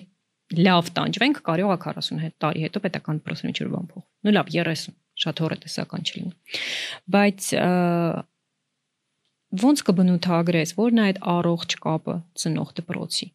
Ոնց պիտի դպրոցը խրախուսի քո ասած, որպեսզի ծնողները մասնակցեն եւ ոնց պիտի ծնողը իր սահմանը գիտակցի, որ սրանից են կողմ արդեն իմ կմահաճույքն է իմ երեխայից ելնելով, որտեվ ինձ ցավոտ է որպես ծնող օրինակ լիքը բան է դպրոցում, ես ուզում եմ իմ երեխայի համար դա ամենը փոխեմ, բայց կա այդ սահմանը ու դա միանշանակ է, միայն այնպես որ Հայաստանում կա կամ պիտի լինի ամբողջ աշխարհում կա, բավականին հստակ ու չորադրված այդ սահմանը։ Որն է, ոնց պիտի ծնողը օգնի, որ դպրոցը օգնի, որ ծնողը ներգրավի եւ ոնց պիտի ծնողը գիտակցի, որ այստեղ իմ սահմաններից դուրս է արդեն ու դա դպրոցը պիտի որոշի։ Կուզեմ քո նախորդ որ մեկնաբանությանը անդրադառնամ ու հետո այս հարցին պատասխանեմ։ Իմ փորձից ելնելով աշխատանքս նաև շատ սերտ եղել շատ ու շատ պետական դպրոցների հետ։ Եվ կարող եմ ասել, որ հիմա ծնողավարության, ծնողների հետ համագործակցության, ծնողական համայնքի հետ հարաբերությունների հարցերը գնալու շատանում են դպրոցների ղեկավարներից։ Այսինքն մարդիկ այդպիսի ծարավ ունեն, այսպես ասեմ, հա, լրացնելու այդ բացը, հասկանալու իրականում Իսկ ինչպես է պետք այդ մեծ ակտիվը ռեսուրսը օգտագործել հոգուտ երեխաների եւ հոգուտ դպրոցի զարգացման։ Ինչին շատ ուրախացնում է, որովհետեւ եթե այս ուղղությունը բռնել են դպրոցներ, որոնք օրինակելի են, դպրոցներ, որոնք կարող են եղանակ փոխել, հա, իրենց տարածաշրջաններում, իրենց մարզերում եւ այլն, սա արդեն հետաքրքիր լավ տրենդ կարող է դառնալ, որը ավելի լայն մուլտիպլիկատիվ արդյունք կունենա, կտարածվի, հա Մինիմալ բաներից կարող եմ սկսել, այսինքն մշտական հետադարձ կապ եւ դրա հնարավորություն եւ շատ ուրախ եմ, որ հատկապես տարական դպրոցում հիմա նաեւ պետական դպրոցներում այդ հետադարձ կապը գնահատականը չի միայն գնահատականը չի կամ չնայած բարդ ենք անցնում այդ գործընթացով բայց այնուամենայնիվ փոփոխություններ կան եւ ծնողները մեկ էլ սկսում են կարևորել ինչ սովորեց երեխան, ինչում հաջողեց, ինչը լավ չստացվեց, ոչ թե ուղղակի ինչ է ստացել։ Սա թերևս առաջին քայլն է իրական հետադարձ կապ ունենալու եւ միասին աշխատելու այն բացերի վրա, որոնք կան։ Հատկապես տարյականում կրծեր միջին դասարաններում ծնողների մասնակցությունը կրթական գործընթացին շատ կարևոր է։ Եվ դա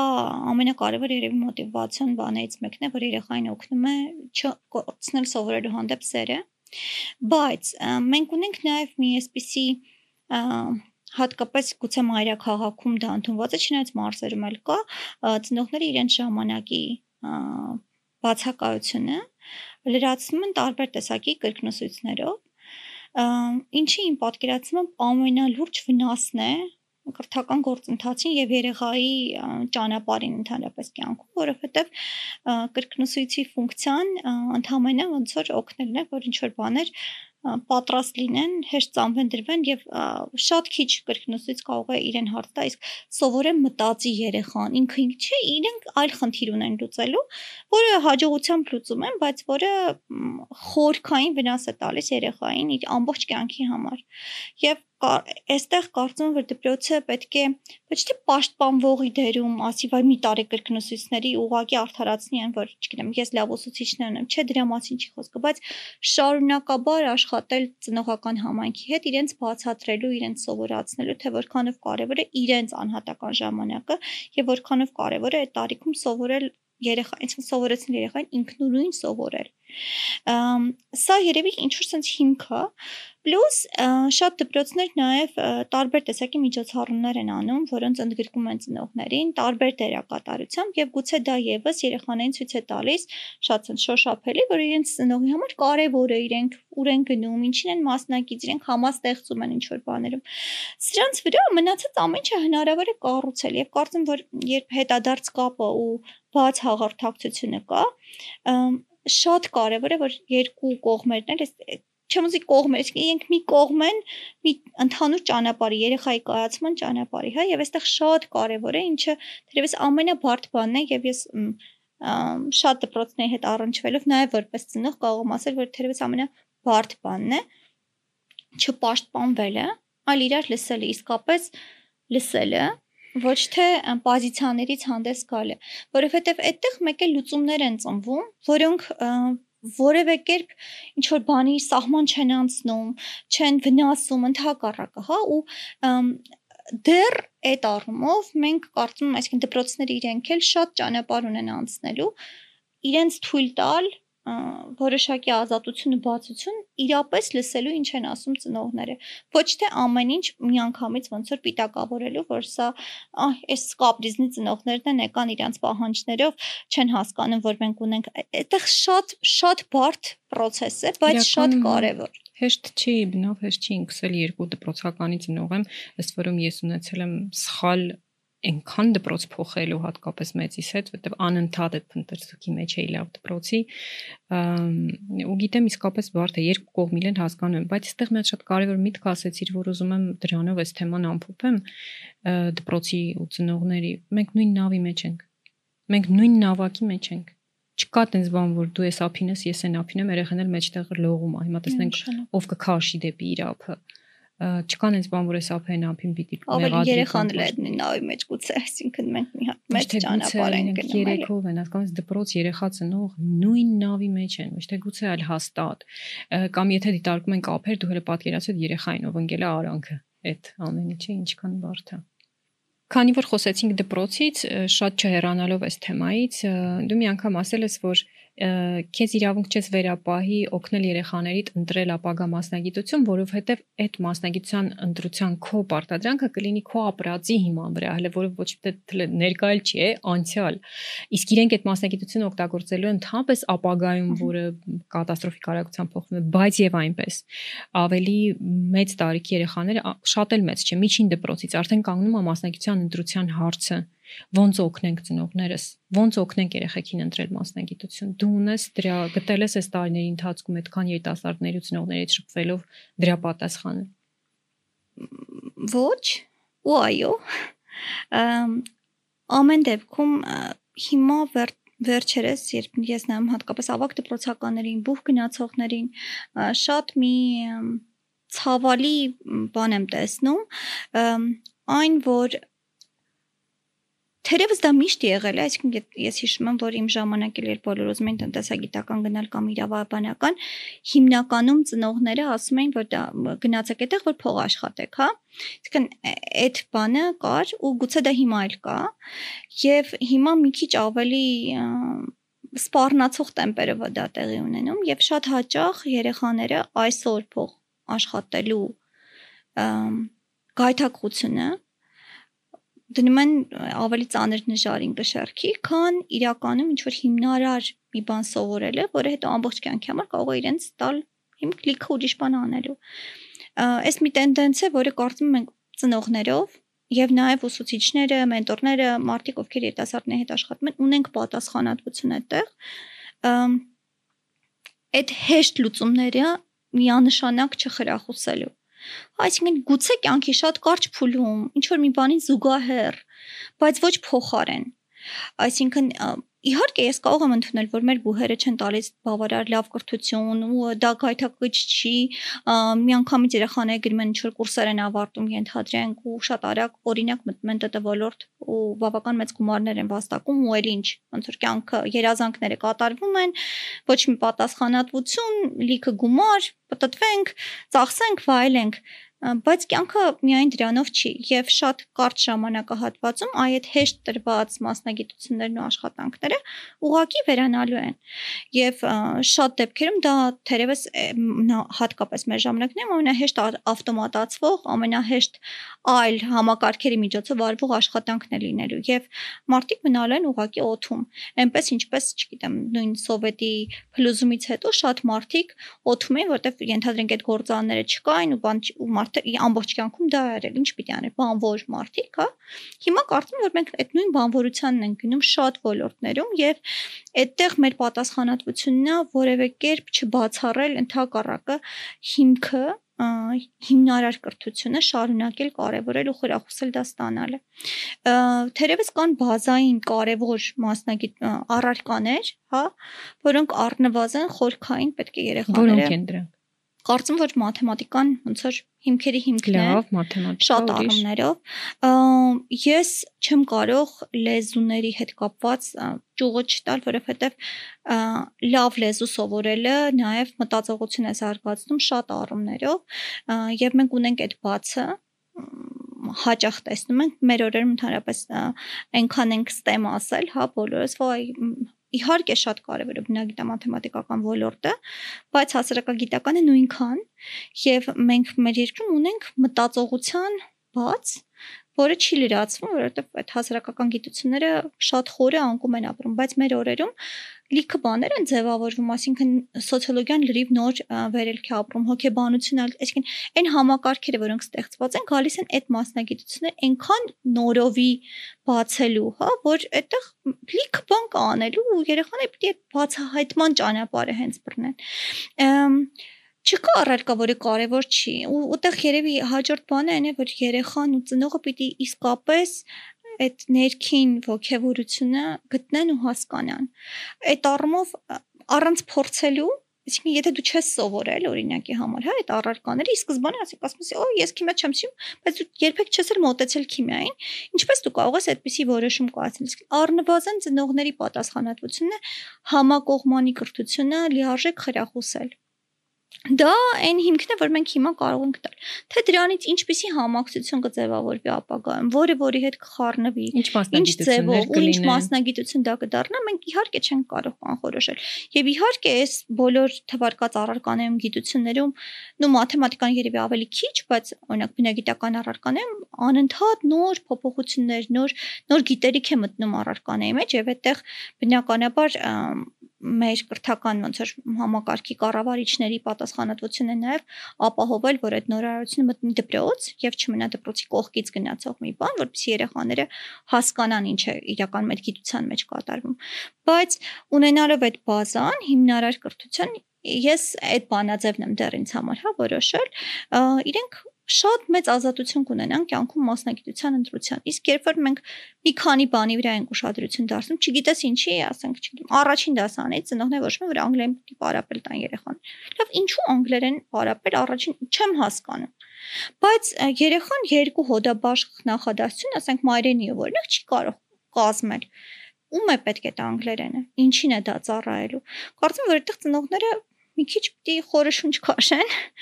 ու թողնեն, որ այդ համակողմանի կրթությունը լիարժեք տեղի ունենա։ Իհարկե դպրոցները այդտեղ շատ բան ունեն անելու, որ բոլոր առարկաներից կարողանան իսկապես խորը գիտելիք տալ,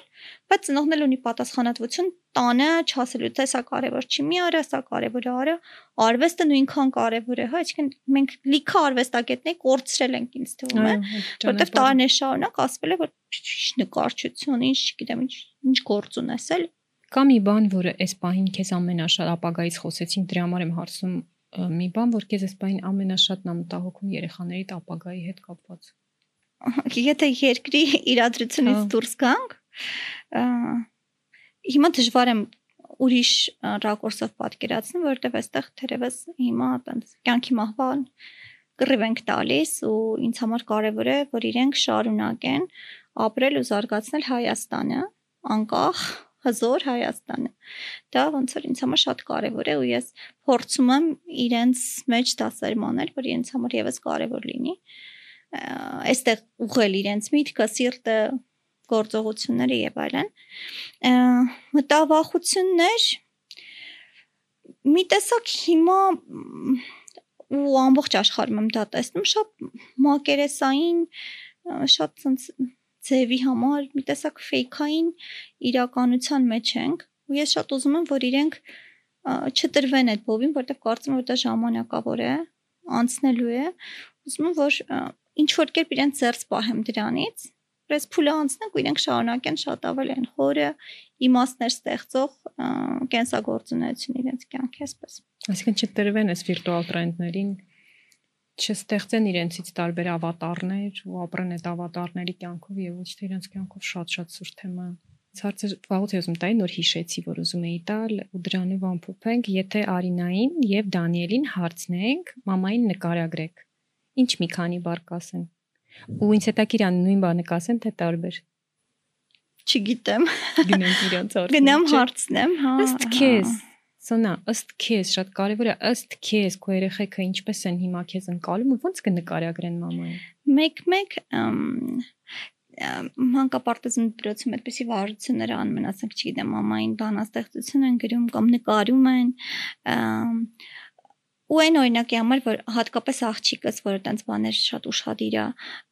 առաջին բառ ասում է մաման սիրուն է ինձ համար օրինակ դա անակնկալ է ես դեռ այդ նկարագրության հետ չեմ հաշտվում բայց ուրախ եմ որ ինքը այդպես տեսնում է փորձում շատ չհակաճառել ինձ թվում է որ կասային խիստ է մաման մեր տան ոնց որ Պոբոծածան ես եմ հա ես եմ Չնայած որ ամուսնուս ասածներից ավելի են ազդում, որտեղ ինքը չի ասում, չի ասում, բայց հետո նենց կասի, որ տան շատ հատկապես աղջիկը շատ ազդում իրանց հարաբերությունները տենց ուրիշ են, բայց երևի խիստ է կասային։ Ու երևի միաժամանակ կասային բարի, որտեղ լսում եմ բարբերաբար այդպիսի բաները, չեմ կարող ասել ինչից են իրենք դա եզրական խիստ գիտեմ, բարին չգիտեմ, բայց բարբերաբար տենց իրենց նկարագրությունների մեջ լինում է։ Երևի դա նաև կյանքի տարբեր փուլերում կփոխվի իրենց ընկալումը մամայի։ Բայց ինչքան սիրուն երեք բան ստացվեց։ Երեքն էլ հենց ակնկալում էի. Մաման սիրուն է, մաման խիստ է, մաման բարի է։ Ահագին դες բան խոսուն է, գիտես, շատ, շատ sense տարողունակ է այս նկարագրությունը, եթե դա այդպես է։ Ոնց է։ Ուրա։ Ապրես շնորհակալ եմ, որ եկար Սոնա ջան ու քո մտքերով կիսվեցիր մեզ։ Ես էլ եմ շնորհակալ հավասարության համար։ Ես դժվար ինչ որ մեկի հետ իմ հյուրերից մոտ ապագայում այսքան մանրամասն խոսեմ տատիկ պապիկների եւ առհասարակ ընտանիքի մեծ անդամների ներգրավման մասին, դրա համար շատ կուզեմ, որ այսօրվա Սոնայի հետ զրույցից մենք հենց դա վերցնենք։ Դա նվեր է, դա պարգև է, որից հրաժարվելը երևի թե ճիշտ չի ու անգամ եթե մեր տատիկներն ու պապիկները, մեր երեխաների տատիկներն ու պապիկները ինչ որ բան անում են ոչ այնպես ինչպես մենք կուզեինք, իրենք դա անում են իրենց տեսանկյունից եւ այդ քաղցրությունից զրկել մեր երեխաներին արդյոք մենք իրավունք ունենք եւ արդյոք դա ճիշտ է։ Այո, դժվար է լինելու, այո, շատ հարցերում կարող չհամաձայնվել, բայց դա է մանկության անբաժանելի մասը, դա այն է, ինչ երեխաները հիշելու են եւ վերցնելու են իրենց հետ որպես ամբողջ կյանքի ռեսուրս, տատիկ, պապիկների քաղցրությունը։ Իսկ իրենց հետ խոսել միշտ կարող ենք, պայմանավորվել նույնպես։